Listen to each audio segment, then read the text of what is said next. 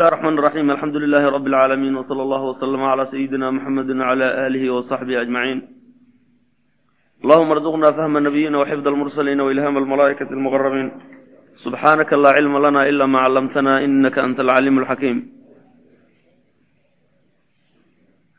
بسم الله الرحمن الرحيم اللهم إني أحببت صحابة نبيك محمد صلى الله عليه وسلم أصدق الحب وأعمقه فهبني يوم الفزع الأكبر لأي منهم فإنك تعلم أني ما أحببتهم إلا فيك يا أرحم الراحمين. araaximiin kitaabkan waa kitaab siiro ah oo mukhtasar ah oo iska gaaban oo la yidhaahdo suwarun min xayaati saxaaba marka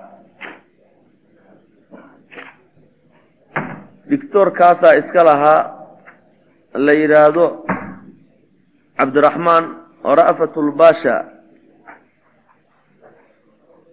marka wuxuu ka hadlayaa siiradii asxaabta qeyb ka mid a yacni noloshii asxaabta suwarun min xayaati saxaaba. Suwar yacni waa mithaal iyo tusaala la yidhaahdaa marka tusaalo noloshii asxaabta ka mid ah ayuu sheekhu ka hadlaya saxaabatu rasuuli llahi sala allahu alayhi wasalam noloshoodu siday ahayd ay ku noolaan jireen.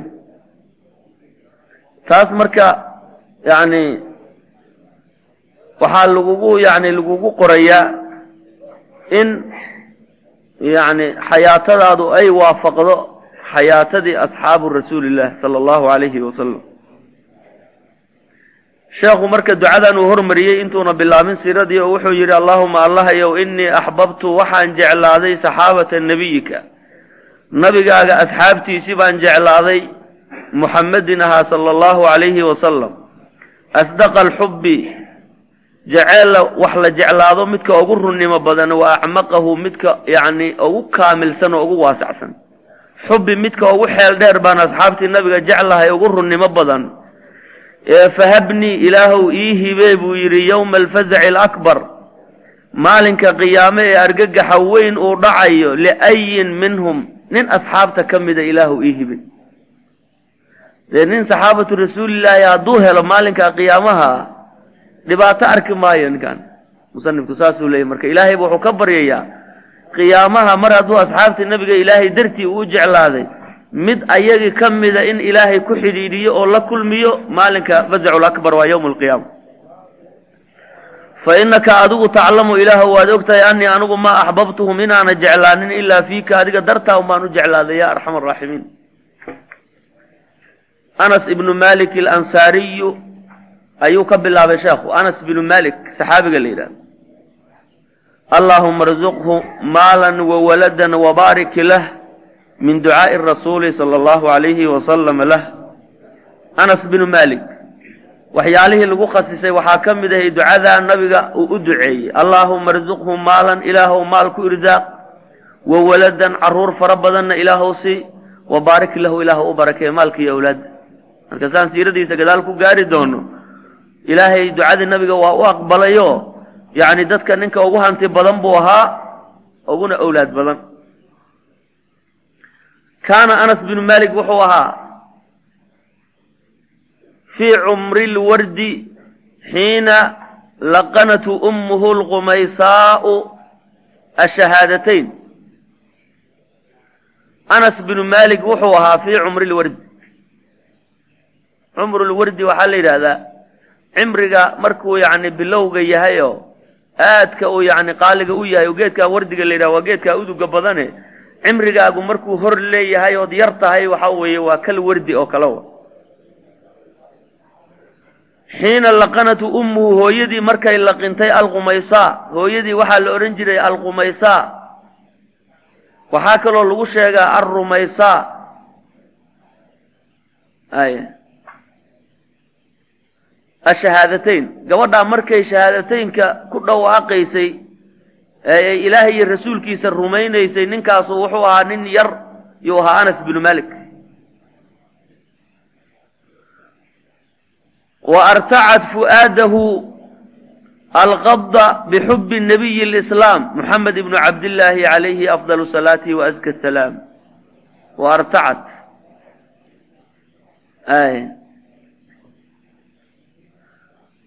wa atracat fu'aadah qalbigiisa waxay ka buuxisay qalbigii alqabda. Aye qalbigiisii alqabda ee cusbaa shayga markuu cusub yahay baa la yidhahdaa qabdi. Bixubbi nebiyi lislaam islaamka nebigii ilaahay uu u soo diray maxabadiisii bay qalbigiisa ka buuxisay. Muxamedin ibnu cabdillaahi calayhi afdalu salaati wa aska salaam fa shuqifa anasun anas waa la jeclaysiiyey bihi binabiyi nabigaa la jeclaysiiyey xubban jeceel cala samaaci maqal un ah xubban cala simaac yacni maqlidda nabiga markii uu maka ka soo baxay maqalkiisi baa looga sheekeeyey sidaa weeye markaasuu nabiga jeclaaday isagoon weli arag xubban cala simaac walaa qarwa wax yacni la baciidsado ma aha oo lala yaabo faludunu tacshaqu qabla alcayni axyaanan buu yidhi dhegtu inay wax jeclaataan laga yaabaa intayna ishu wax arag weli qof aada weligaa arag baa laga yaabaa inaad aad u jeclaato maxaa yeele maqalkiisa ayaa aad kuugu batay oo saaftiisa wanaagsan baad maqashay markaasaa lagaa dharjiyey adoonba weli aragoo ishaadu arag baad aad u jeclaanaysa marka dhegtiba dheg baad ka jeclaatay markaa dheg baad ka jeclaatay faludunu tacshaqu qabla alcayni axyaanan buu dhegtu inay jeclaataan laga yaabaayo isha horteeda yacni mararka qaarkood. Wa kam tamana algulaam? Wax badan buu tamaniyey wiilkaanu asagiiru oo yar an yamdiya inuu tago ilaa nebiyihi nebigiisa inuu aado fii makka. Inuuba baxo oo maka aado ayuu wax badan tamaniyey ow amase yafida rasuul rasuulku inuu soo wafdiyo alacdam sala allahu calayhi wasalama calayhim ama rasuulku inuu socdaal iyo wafdi ku yimaado calayhim dushooda waa reer ansaareed ee wiilkan ansaar buu ka dhashay reer madiinaad buu ahaaye fii yasriba madiine inuu ku soo ziyaartay ee wafdiga ugu yimaado. Liyascada inuu ku liibaano biru'yaahu nabiga aragtidiisa wayahna'a inuu ku bogaagsado biluqyaahu la kulankiisa waa inuu nabiga yacni aragtidiisana oo markaa uu rumeeyana uu ku liibaano yacni la kulankiisana uu ku yacni ku hambalyaysto oo ku bogaagsado saa darteed lam yamli ma tegin buu yidhi calaa dalika dawiilu waqtin waqti dheer. Ma ma tegin buu leeyahay xataa saraa ilaa uu yacni xataa saraa ilaa uu guuray fii yasriba. Magaaladii yasriba waxaa dhex qaaday oo gebigeediiba magaaladii dhammayd qaatay. Yasribadii almaxduudati almaqbuuda almaxduudati la dheefiyey. Ilaahay baa dheef la doonay. Oo maxaa ilaahay la doonay inay makaanu hijrati nebiyi noqoto sala allahu calayhi wasalama nabigu meeshuu i hijroon lahaa inay noqoto. Xaramkii labaad inay noqoto. Oo xaramu rasuulilah inay noqoto. Yaa ilaahay la doonay marka waa maxduuda min allah xag ilaahay baa laga dheefiyey magaaladan. Almaqduudati oo la kamanayay oo wax la kanta oo daaru hijrati nebi bay noqotay. Maxallu iqaamatihi bay noqotay. Meeshii lagu duugayey bay noqotay. Masjidkii labaad ee fadliga badnaa baa meeshii laga aasaasay rawdadii shariifada ahayd bay noqotay. Yacni jasadkii mubaaraga ahayee nebi maxamed midii duntay ee ku duugan yahay bay noqotay sala allahu calayhi wasalam saa aawadeed bay waxay noqotay maqduud ah mid la kamanayo aada loo kamanayo waa maqbuuda wey. Marka wakti dheer ma soo wareegin ana nabiya salawaatullaahi wasalaamuhu calayhi weye wa saaxibahu saaxiibkiisii asidiiqa fii dariiqihimaa dariiqoodii inay soo qaadeen oo ilayhaa ila almadiina hijray soo galeen markaa. Nabi maxamed iyo se abubakar baa soo hijrooday oo madiinay u soo hijroodeen. Faqamarat ilbahjatu kula beytin wamala'at ilfarxatu kula qalbin. Faqamarat ilbahjatu bahjadii iyo iftiinkii wuxuu buuxiyey kula beytin guri kulligii wa mala'at alfarxatu farxadii nebi maxamed soo gelidiisa iyo soo yacni soo haajiridiisa lagu farxayeyna waxay buuxisay kula qalbin. Qalbi kastaoo mu'mina ayay buuxisay oo dadkii madiine ku noolaa ee reer ansaareed iyo dadkii la noolaa. Watacallaqat alcuyuunu waalquluubu biariiqi almaymuuni aladii yaxmilu khuda nabiyi sala allahu alayhi wasalama wa saaxibihi ilaa yasriba. Watacallaqat alcuyuun indhihii waxay ku dhegan yihiin oo mar la arkay eegayaan waalquluubu quluubtina waxay waxayna marnaba hilmaamaynin oy mar kasta fiirinaysaa. Biariiqi waddadii dariiqii almaymuuni la barakeeyey. Dariiqii maymuunka ahaa ee barakaysnaa aladii yaxmilu xumbaarayey.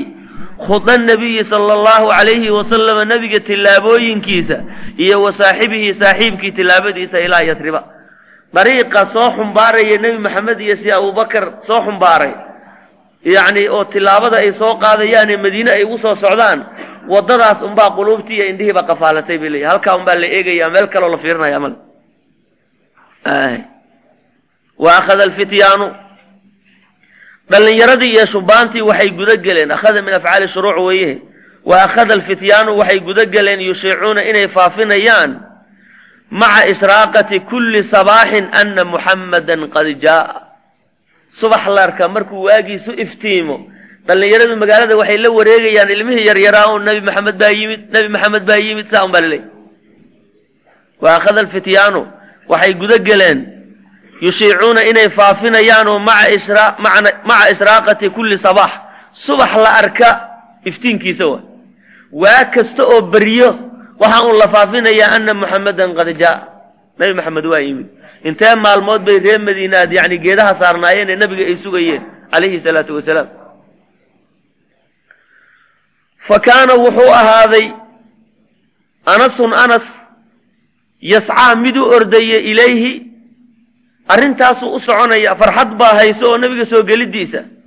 Maca saaciina kuwii ordaya oo min alawlaadi siqaari carruurtii yaryarayd buu dee ka mid ahaaye saasuu ordayaa toban jir buu ahaaye marka nabiga uu u noqday uuna madiine yimid. Marka canug yar buu ahaa. Marka awlaadda yar ee faraxsan ee ordaysa unbuu ka mid yahay. Laakinahu laa yaraa shay-an. Waxba ma arkayo. Subax la arka waa la yaacaya buurihii baa la fuulaya. Marka harkii markay qoraxdu kululayso unbay soo gadoomayaan.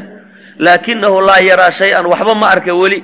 Fa yacuudu waa soo noqonayaa ka'iiban maxzuunan. Isagoo murugsan buu soo laaban. Subax la arka saakuu soo gelaya unbaa la leeyahay. Markas markii duhurkii la harkii la gaaro unbay soo noqonayaan iyagoo murugsan wey wa fii daati sabaaxin subax subaxyaha ka mida. Shadiyi landaa'i nadi yani nadiiri ruwaa'i. Subax subaxyaha ka mid a oo yacni majliskeedu uu aada u udug badan yahay fiiradeeduna ay iftiimayso. Alandaa yacni majaalista la fariisaa la yidhaahdaaye nadwaha way nadiiri ruwaayi aragtideeduna ay aada u qurux badan tahay hatafa rijaalun rag baa dhawaaqay oo fii yasriba madiinay ku dhawaaqeen. Inna muxammadan iyo wa saaxibahu nebi muxamed iyo saaxiibkii waa abubakare hadda waa waxay ahaadeen qariibayni min almadiinati madiine kuwa u dhow bay noqdeen. Magaaladay soo gelayaan baa saakay magaalada soo gelayaan fa dafiqa rijaalu raggii waxay guda galeen yatajihuuna inay u jihaysanayaan naxwa dariiqi waddadii dariiqii almaymuuni la barakeeyey aladii yaxmilu soo xumbaaraya ilayhim xaggooda nebiy alhudaa waalkhayr dariiqa soo xumbaarayo gaadiid la saaran yahay camal baa lagu shabahayaa waddadii nabiga aysi abubakar soo qaadeen.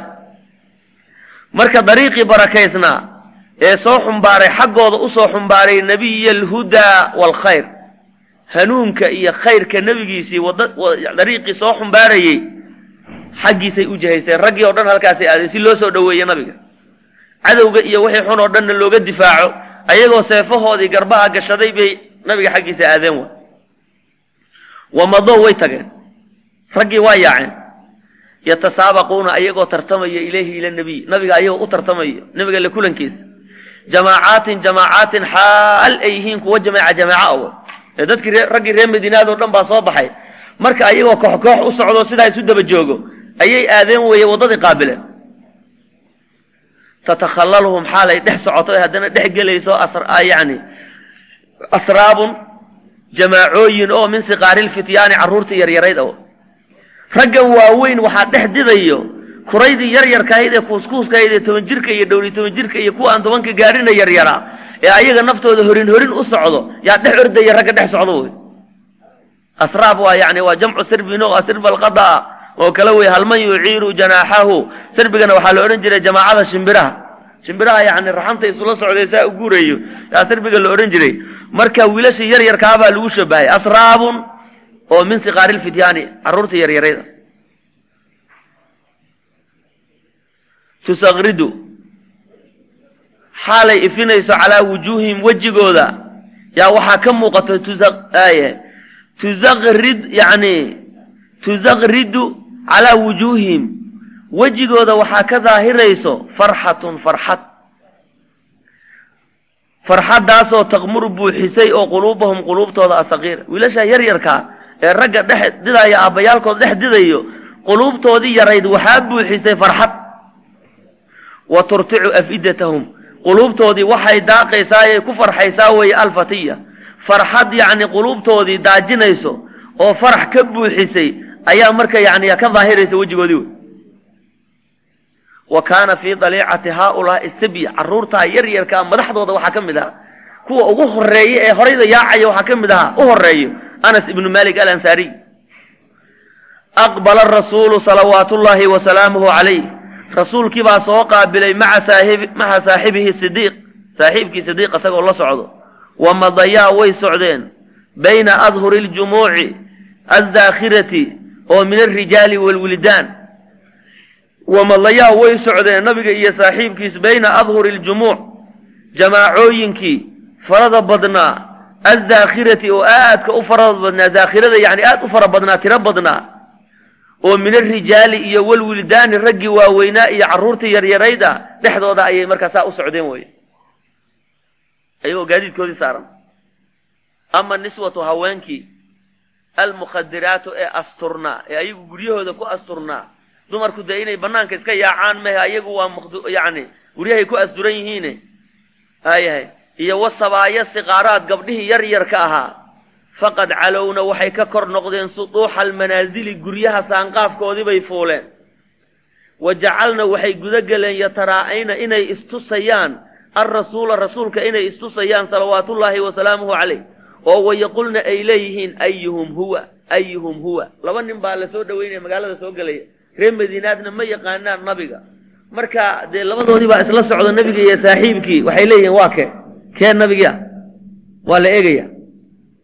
Weliba bidhaan ahaan da haddii la yidhaahdo sanadka nabigaa ka weynaa calayhi salaatu wasalaam wax yar sida abubakar ka weynaaye bidhaan ahaanna waxay u muuqatay inuu sida abubakar ka wenya maxaa nin ciro badan buu aha sida abubakar nabiguna ciro ma lahayn calayhi salaatu wasalaam reer madiinaad markay nabiga soo dhoweeyeen intii hore oo dhanbo sida abubakar unbaaba la moodaya nabigii la moodaya maxaa yele asagaa da' weynaa ilaa ay qoraxdii intay soo baxday sida abubakar uu nabiga mara sidaa ugu dulqabto markaasaa la fahmay.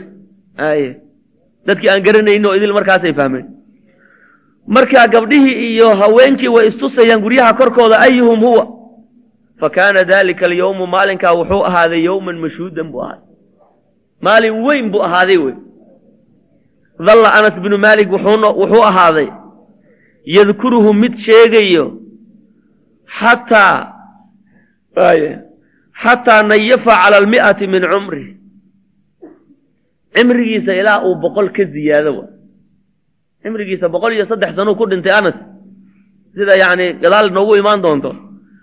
Marka xataa nayafa ilaa uu ka ziyaado wey nayafku waa ziyaado cala almia ilaa uu cimrigiisii waay boqol uu ka ziyaado way ilaa uu boqol dhaafay cimrigiisii intaa unba ka sheekay jiray maalinkaa nabigu soo galay calayhi salaatu wasalaam farxaddii reer madiinaad ay la kulmeen iyo inta asagu nabiga uu la socday xayaatadii tobankii sano uu kula noolaa yuu weligiiba sheegi jiray oo boqolkaa sana uu ka sheekeynay.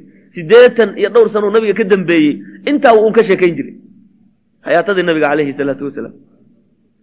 Maa kaada rasuul rasuulkii ma dhowaanin alkariimu wanaagsanaa sala allahu calayhi wasalama yastaqiru inuu sugnaado bilmadiina xataa jaa'athu lqumaysaa xataa jaa'atu ilaa ay nabiga u timid alqumaysaa bintu milxaan ummu anas. Mar alla markuu nebigu yimid ba calayhi salaatu wasalaam.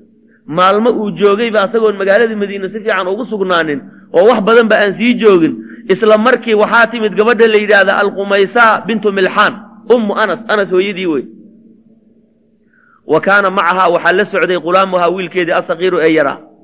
Wa huwa yascaa bayna yadayhaa horteeduu ordayaa wa du'aabataa fooddiisina aayahay tanuusaani calaa jabiinihi waxay taataabanaysaa yacni dhafoorkiisa wey. Timo yar buu lahaayoo sidaa u soo dheer oo du-aabataanka waxaa la yidhaha timaha dheer oo sidaa u soo marka meelahanay timihiisii laalaadaanayo saa u taataabanaya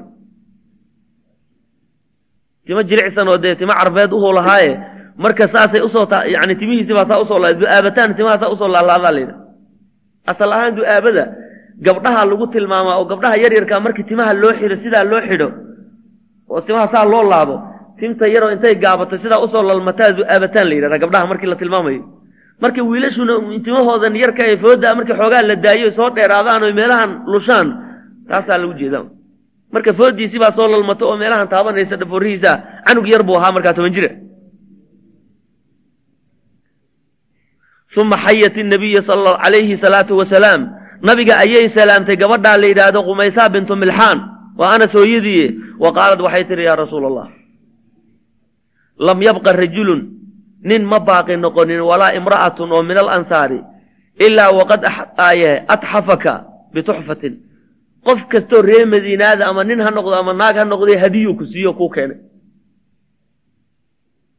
Waqad aaye atxafaka wuxuu yacni ku siiyey bituxfatin hadiyo wa innii anigu laa ajidu heli maayo maa utxifuka bihi wax aan hadiyo kuu siiyo hayra ibni haada. Wiilkaygaan mooyaane. Anigu wiilkayganaan maanta hadiye u wadaa bay tihi qof kasta hadduu wax kuu keenay wax kaloo anigu aan ku siinaya ma jiro gabar ayo agoonley oo cajab badan bay hayda iimaan weyne. Waxay tidhi wax kaloon hadiye kuu siiya anigu garan maayay wiilkayganaan kuu wadaa. Fakhuduu qaado falyakhdimka ha kuu khaadimo maa shi'ta intaa doonta ha kuu khidmeeye qaaday tii rasuulka ilah igala wareeg fahasha nabiyu sala allahu calayhi wasalama nabigu waa farxay lilfata sagiiri wiilkii yaraa ayuu ku farxay wa basha yani wuuna farxay wuu qoslay nabigu weji furfuran oo bashaash ah ayuu markaa la soo qaabilay wa masaxa ra'sahu madaxuu ka masaxay oo biyadihi shariifati wa masa du'aabatahu yani timihiisii laalaadayo foodahabuu sidaa ugu taagtay bianaamilihi nebiga fadhihiisii annadiya wa dammahu ilaa ehlihi ehelkiisuu u dumay markaa nebigu ehelkiisiibuu ku daray oo wuxuu yidhi waa kaala wareegay marka waa mahadsan tahay kaana anas binu malik anas binu malik wuxuu ahaa ow unaysun unays baaba la odhan jiray kamaa kaanuu yunaaduunahu tadliilan. Sida ay macna ugu nidayn jireen unays baa la odhan jiray loogu dhawaaqi jiray anas yarow tasqiirkaasaa loogu dhawaaqi jiray magaciisa waa la tasqiirin jiray waa taraxum iyo maxabad darteed baa loo yeelaya. Anas wuxuu ahaa ama unaysba wuxuu ahaa fi lcaashirati min cumrih sanadii tobnaad bay ahaydee cimrigiisa weeye da'diisa yowma saciida maalinkii uu ku liibaanay bikhidmati nabiyi salawaatu ullaahi wasalaamuhu caleyh maalinkii nabiga khidmadiisa uu ku guulaystay ilaahay uu u sahlay ee ku liibaanay. Toban jir buu ahaa anas. Wa dalla wuxuu ahaaday anas yaciishu mid noolaanaya fii kanafihi wa ricaayatihi nabiga dhinaciisa iyo jaanibkiisa iyo wa rixaayatihi yacni ilaalintiisuu ku noolaa weli ku soo koray wey. Dee canug toban jir ah waa la adeegsanayaa laakiin khidmadiisuba way iska yartaayoo nin xoog loo wax badan qabanayaba meehe laakiin inuu nebi maxamed tarbiyeeyo oo hoostiisa uu ku soo koro unbaa ilaahay u qadare. Ilaahay u qadare. Marka nabiga kanafkiisa iyo ricaayadiisa ayuu ku soo koray oo ku noolaaday ilaa an laxiqa nabiyu lkariim sala allahu calayhi wasalama ilaa nabigu uu haleelo birafiiqi laclaa ilaa uu nabigu dhinta calayhi salaatu wasalaam. Fa kaanad waxay ahaatay muddatu suxbatihi muddadii uu nabiga la saaxiibay ay muddatu suxbatihi ana suxbadiisa muddadeedii lahu uu la saaxiibay nabiga cashara sanawaatin kaamilaat toban sano oo kaamil ah. Tobankaas sano oo nahala fiiha uu ka cabbay min hadyihi nabiga hadyigiisii ma zakkaa bihi nafsahu nafsiisa wuxuu ku dahiray. Nahliga waxaa la yidhahdaa cabbitaanka xoolaha markii la waraabinayo waraabka u horreeya ee xooluhu ay yani ooman yihiine kamiinta ay yihiine ay dar leefayaan. Taasaa la yidhahda marka nahala wuu waraab horaadiyey. Fiiha muddadaa fiigeeda min hadyihi nabiga hadyigiisiibuu ka wara yuu ka hor yani yuu yani ka waraab cabbay oo ka yani waraab horaadkiibuu ka cabbay. Isagoo aada u ooman ayuu si fiican ooga cabbay wey. Waayahay nahli iyo calli baa la kala yidhahdaayo nahligu waa waraabka u horeeyo calliguna waa marka dambe ee la durduurayo wax lagu celinayo. Rakaaddaa dambe wey. Ya. Marka nabiga hadyigiisi baa laga waraab horaadiyey ninkaas.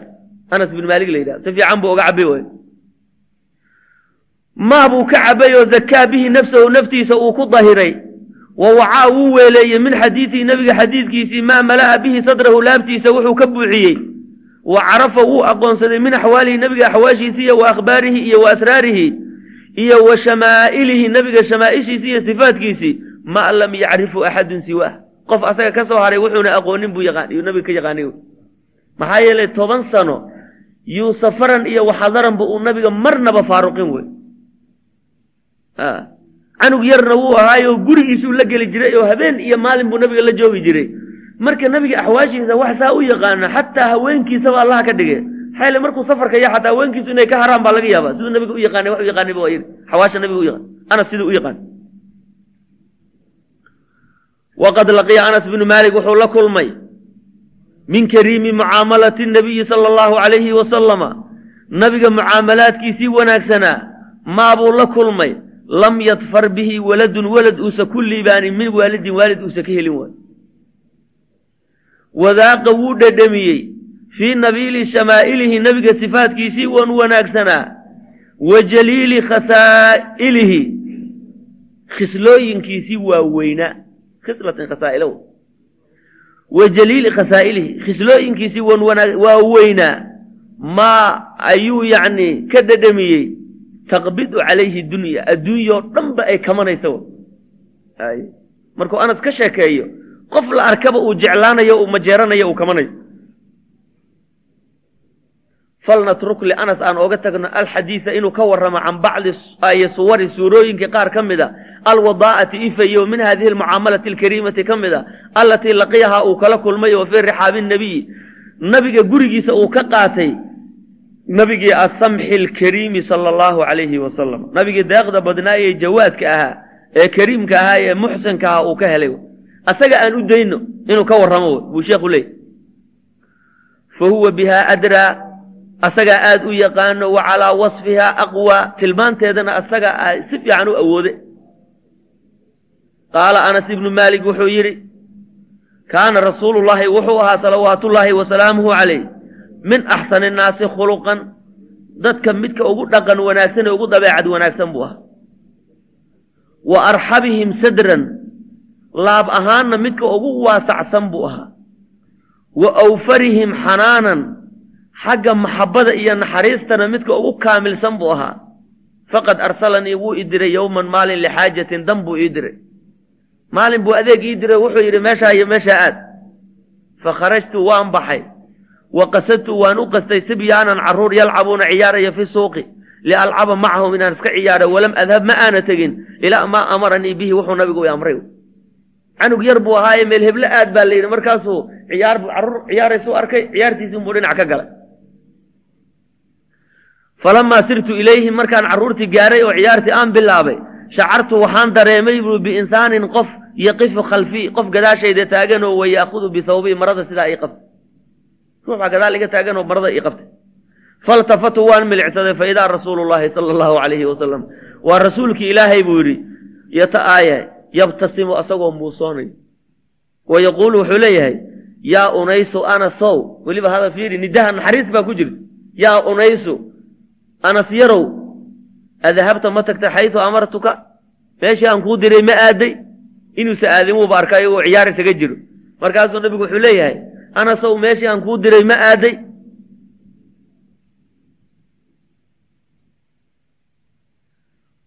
Fartabaktu buu yidhi waa naxay buu yidhi. Wa qultu waxaan idhi buu yidhi nacam inii daahibun alaana yaa rasuul allah haddaan aadaya rasuulka ilaahay. Haddaan aadaya. Markaasaan orday buu yidhi. Fiiri nabiga khuluqiisa calayhi salaatu wasalaam canaan male dilna haba sheegin. Waaka meeshaan kuu diray ma aaday saasuu nabigu leeyay wallaahi baan ku dhaartay laqad qadamtu waxaan u khidmeeyey cashra siniin toban sano famaa qaala ii muusa dhihin lishayin shay sanactuu aan sameeyey lima sanactahu maxaad sidaa ugu samaysay ama shaygan maxaad u samaysay walaa lishayin shay taragtahu aan ka tegayna lima taragtahu maxaad ooga tagtay weligii ima dhihin buu nabi laakiin muxuu odhan jiray low qudira lakaan haddii xag ilaahay laga ehaysiiye shayga waa ahaan lahaa dadka shaqaalaha ama khudamadiisa nabigu ma canaanan jirin wuxuu dhihi jiray waxaan xag ilaahay laga qadaro saa unbuu u ahaan lahaa hadda sidii ilaahay doonay inbuu shayga u dhacay bas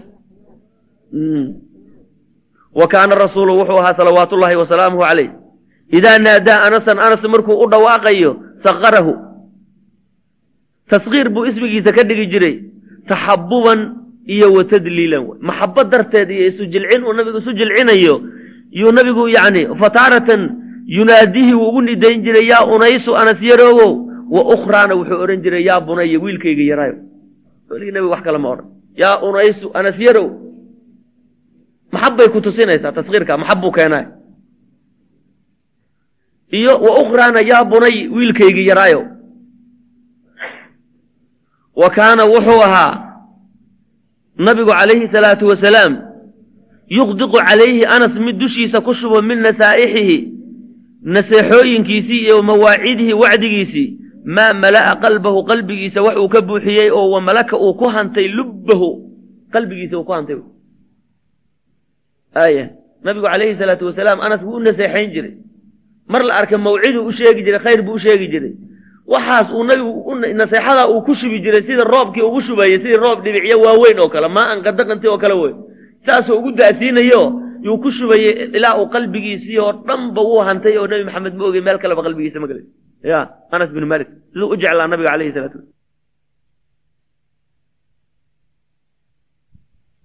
waxaa ka mid ah qowluhu nabiga hadalkiisii lahu anas uu u yidhi yaa bunaya wiilkaygiio in qadarta haddaad kari kartood awood. An tusbixa inaad waaberisato oo wa tubsiya gabalku uu kuu dhaco. Walxaal laysa fii qalbika qalbigaagana uusan ku sugnaynoo qishun khayaano liaxadin axad oo islaamka ka mid a fafcal yeel. Haddaad awoodi karto inuu waagu kuu beriyo gabalkuna kuu dhaco adoon qof muslima waxba qalbiga oogu haynin sidaa haddaad yeeli karta fafcal yeel yaa bunayi wiilkaygiiow ina daalika arrintaasu min sunnatii sunnadaydiay ka mid tahay. Qalbiga oo nadiif laga dhiga waa sunnadaydii waman axyaa sunnatii sunnadayda ninkii nooleeyana faqad axabanii anigu i jeclaaday waman axabanii ninkii aniga i jeclaadana kaana maciya fi ljanna jannada unbuu igula saaxiibay kama awoodi kartaa inuu gabalku kuu dhaco adoon qof muslima waxba qabliga ogu hayn? Waaguna kuu beri. Qalbigaaga nadiif ka dhig. Ya cibaado yar baa ku deeqayse laakiin haddaadun yani qofkii la arkay un qalbiga wax ugu hayso kan baad wax isku dagaashantiin kan wax isku haysaan kan ba dhibkeeday leed. Weligaa dhib ka bixi mayse ay raaxana arki mayse yaa bunaya wiilkaygii ow idaa dakhalta calaa ehlika ehelkaaga haddaad u soo gasho oo gurigaaga markaad timaado fasallim salaam. Yakun barakato yakun wuu ahaanayaa barakatan barako ayaa calayka dushaada wa calaa ahli beytika. Salaamta gurigaaga markaad imaato assalaamu calaykum dheh. Salaamtaa barakadeedii adiga iyo ehlu beytkaagaba ilaahay baa barakaynaya caasha anas binu maalik wuu noolaa bacda wafaati rasuuli calayhi salaatu wasalaam. Nabiga geeridiisa bacdigeed wuxuu noolaa nayifan wa amaaniina caaman siddeetan iyo dhowr sanuu noolaa. Malaa muddadaas ayadoo oo malaa uu buuxiyey khilaalahaa dhexdeeda asuduura laabta makhluuqi laabtoodiibu wuxuu ka buuxiyey cilman cilmi oo min cilmi rasuuli alacdami sala allahu calayhi wasalama rasuulkii weynaa cilmigiisii ka mida wa atraca fiiha alcuquul. Muddadaas ayada ahee uu nabiga ka dambeeyey dadka cuquushoodii iyo caqligoodii wuxuu daajiyey. Fiqhan fiqhi oo min fiqhi nubuwati nabinimada fiqigeedii iyo fahamkeedii ka mid a wa axyaa wuu nooleeyey fiiha figeeda muddadaas alquluuba quluubtii bimaa buu ku nooleeye basahu sidaa uu u firdhinayo saa uu u shubaye bayna saxaabati wataabiciin saxaabta yani asxaabu rasuulilah iyo taabiciintii ka dambeysay buu sidaa ugu shubayey cilmiga. Raggii ugu dambeeyey buu ka mid aha taabiciinta. Yani asxaabta nabiga raggii ugu dambeeyey buu ka mid aha ugu dhimasho dambeeye markay asxaabta badankoodu noolaayeen bay cilmiga ka qaadan jireen oo anas wax la weydiin jiray.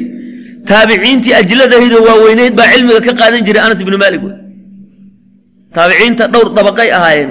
Waxaa ugu horeysay dabaqada la kulantay casharatu lmubashiriin toban yani tobankii casharatu mubashiriinta taabiciinta soo gaartay yani waa kuwa ugu horeeye wey saasay u kala dabaqa dambeeyaan. Aaya waxaa ugu dambeeyey taabiciinta kuwii la kulmay siqaaru saxaaba asxaabta kuwoodii yar yarka ahaa wey ninkii asagoo yani markaaba sabi ahoon weli qaangaarin yani markaasba yar nabiga la kulmay saxaabi weeye mogtahay raggaas raggii taabiciinta ayee la kulmay. Yaa taabiciinta ugu dambeeye dabaqadii ugu dambeysay ahay. Min hadyi nabiyi sala allahu calayhi wasalam nebiga hadyigiisii iyo hanuunkiisii ayuu sidaa ugu firdhinaya asxaabta iyo taabiciinta dhexdooda. Wamaa adaacahu. Quluubtii wuxuu ku nooleeyey wamaa kiibuu ku nooleeyey adaacahu uu markasta faafinayey.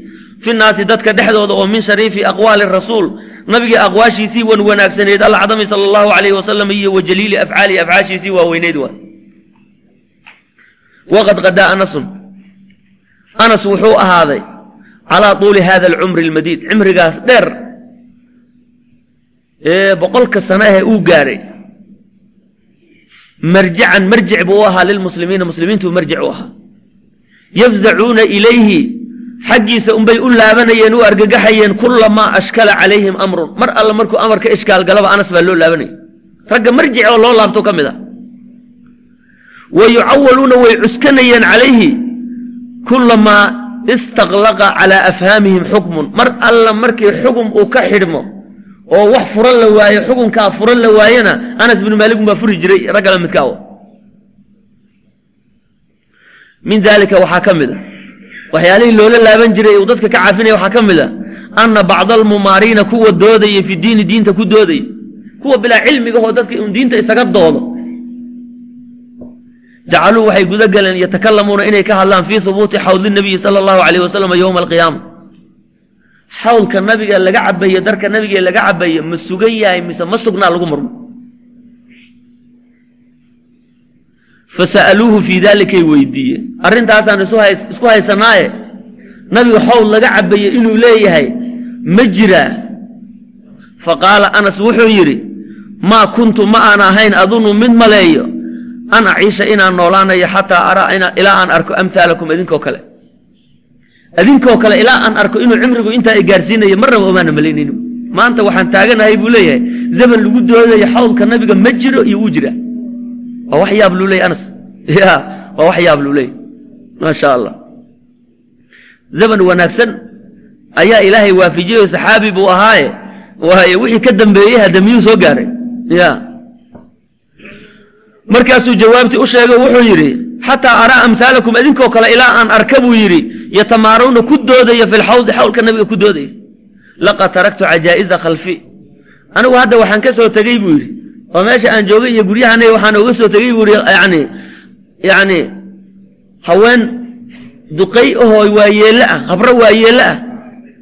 Maa tusallii waaxidatun minhunna. Mid ayada ka mida ma tukato salaad ilaa sa'alat illah ilaahay waxay weydiisanaysaa an yasqiyahaa min xawdi nabiyi calayhi salaatu wasalaam inuu ilaahay ka waraabiyo xawlka nabiga ya daliil kaleba bal u kaadi bal. Intuu hadda axaadiistii iyo bal adiladii ka soo aroortay xawlka nabiga maxaa kuwaas hadda maxay adilo ka fahmayaan? Cilmigooduba halkaa joog wuxuu yidhi adinka hadda ma jira ma jiraad ku doodaysaan. Annaga guryahanay waxaan ooga soo tagnay. Raggii waaweynaaye kutubaha akhrisanaya cilmiga baranaya diin raggi yaqaana iska dhaafe.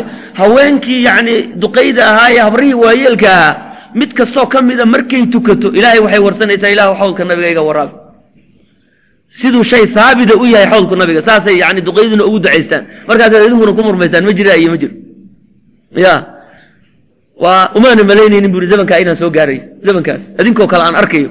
Ay saasuu le walaqad dalla wuxuu ahaaday anas binu maalik yaciishu mid noolaada rasuuli maca dikraa rasuulillaahi salawaatu ullaahi wasalaamuhu calayh. Nabiga yacni inuu ka sheekaynayo un mar kasta noloshiisa mamtadad bihi alxayaat inta uu cimrigiisu ahaa fa kaana wuxuu ahaa shadiida albahjati biyowmi liqaa'ihi. Maalinkii uu nabiga la kulmay nin farxiisu aad u badan yahay buu ahaa. Markuu ka sheekeeyo maalinkaana wuu farxi jiray. Sakhiya damcati ilinta mid deeqsi ku abuu ahaa calaa yowmi firaaqihi maalinkuu nabigu faaruqayna ilinta deeqsi buu ku ahaa. Aad buu u ooyey weye maalinkaasna. Ilin fara badan ayaa ka timid wey.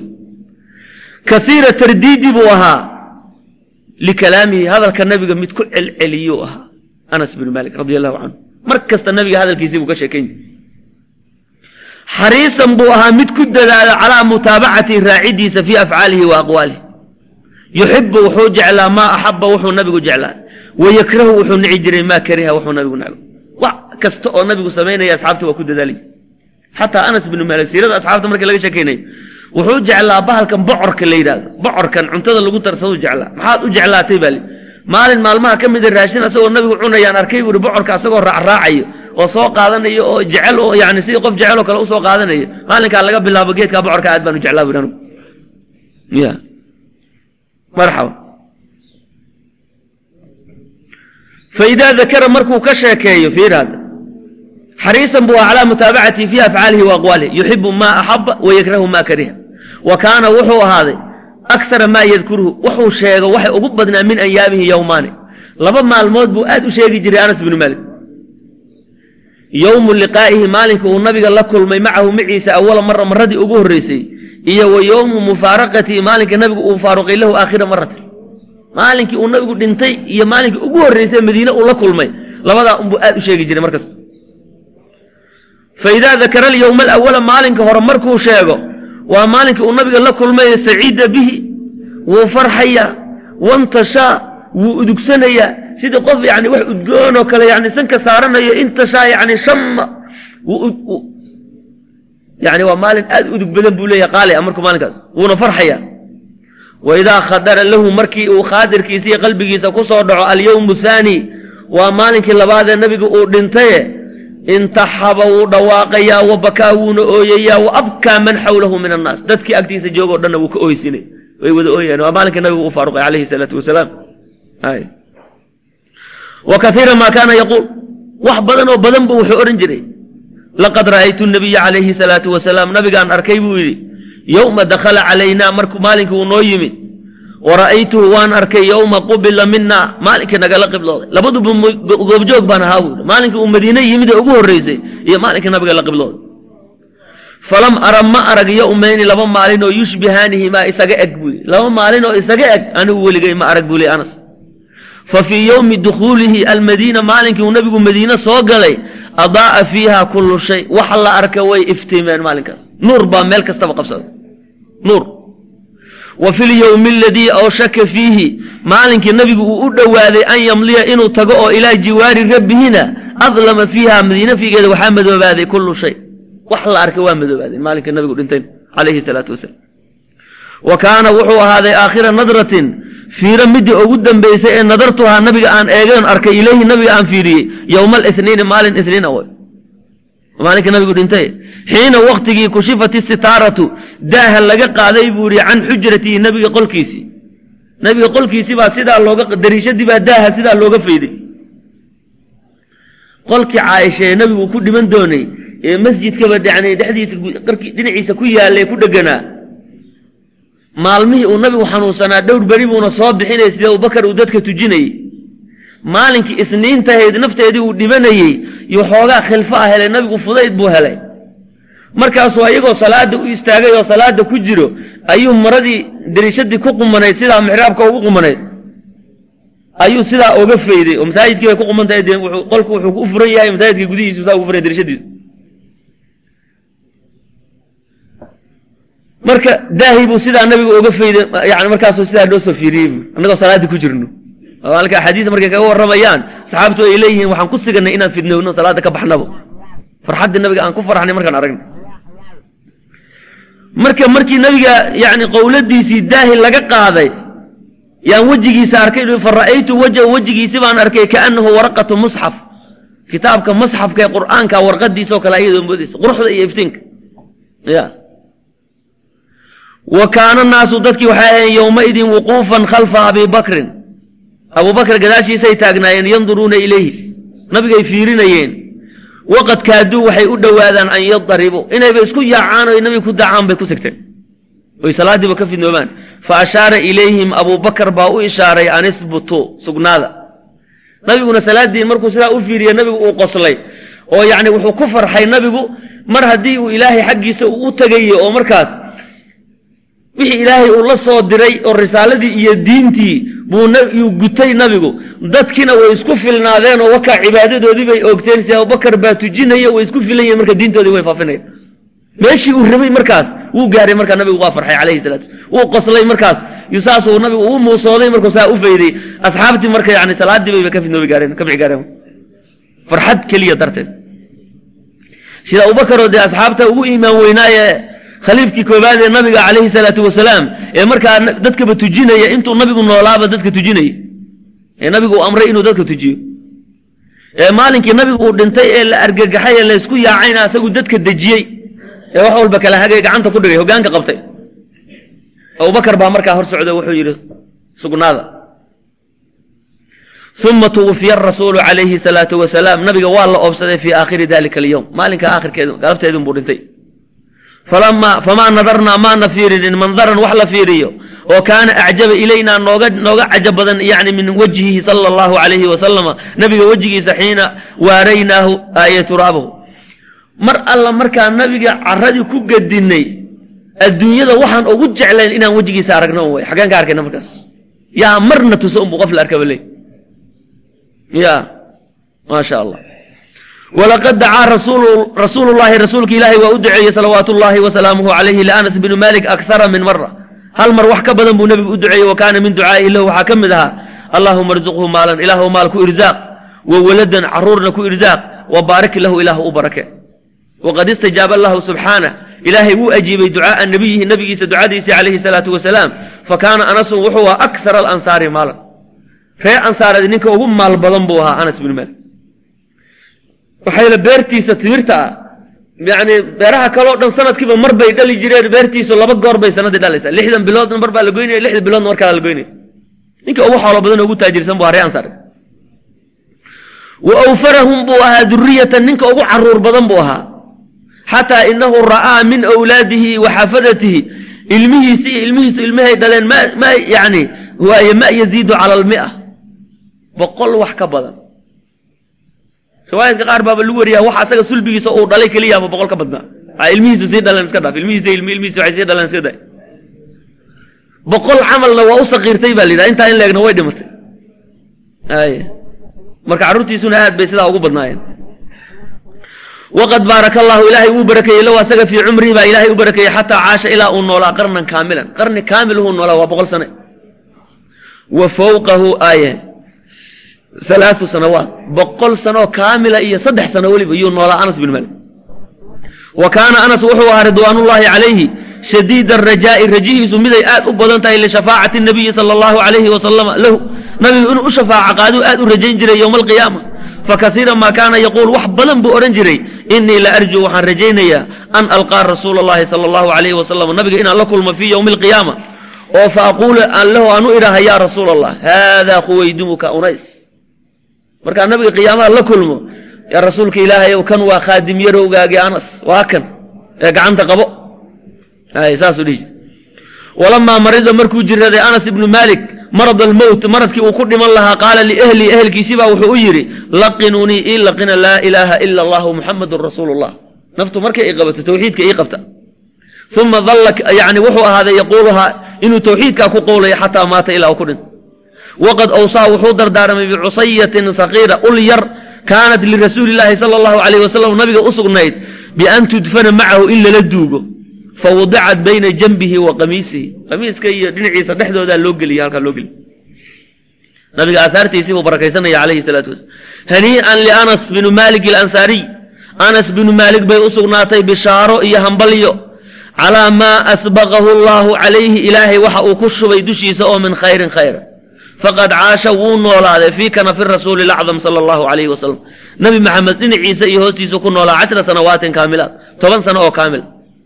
Wa kaana wuxuu ahaaday haalisa snayni labo midkii saddexeeyey buu ahaa fii riwaayati xadiidihi nebiga xadiidkiisa warintiisa waa. Laba ninoo asxaabta ugu axaadiis badnayd kii saddexeeyey buu ahaa xagga xadiidka warintiisa markii la yidhahdo humaa labadaasu abu hurayrata iyo cabdullaahi bn cumar cabdullaahi bn cumar iyo abu hurayra ninkii ku xigayba oo saddexeeyey buu ahaa wey xadiis badnida nin yarna wuu ahaa iyagoo toban jir asagoo ah tobankii sanee nabiga uu la joogay inbuu intaasoo yani xadiida ka qabtay iyo cilmi ah wajazaahu llaahu huwa. Allaha jazeeye huwa asaga iyo wa ummuhu hooyadii alqumaysa gabadhii wanaagsanaydee dhashay can ilislaami islaamka iyo walmuslimiinaba khayra aljaza jaze iyo abaalmarin midda ugu wanaagsan allah ku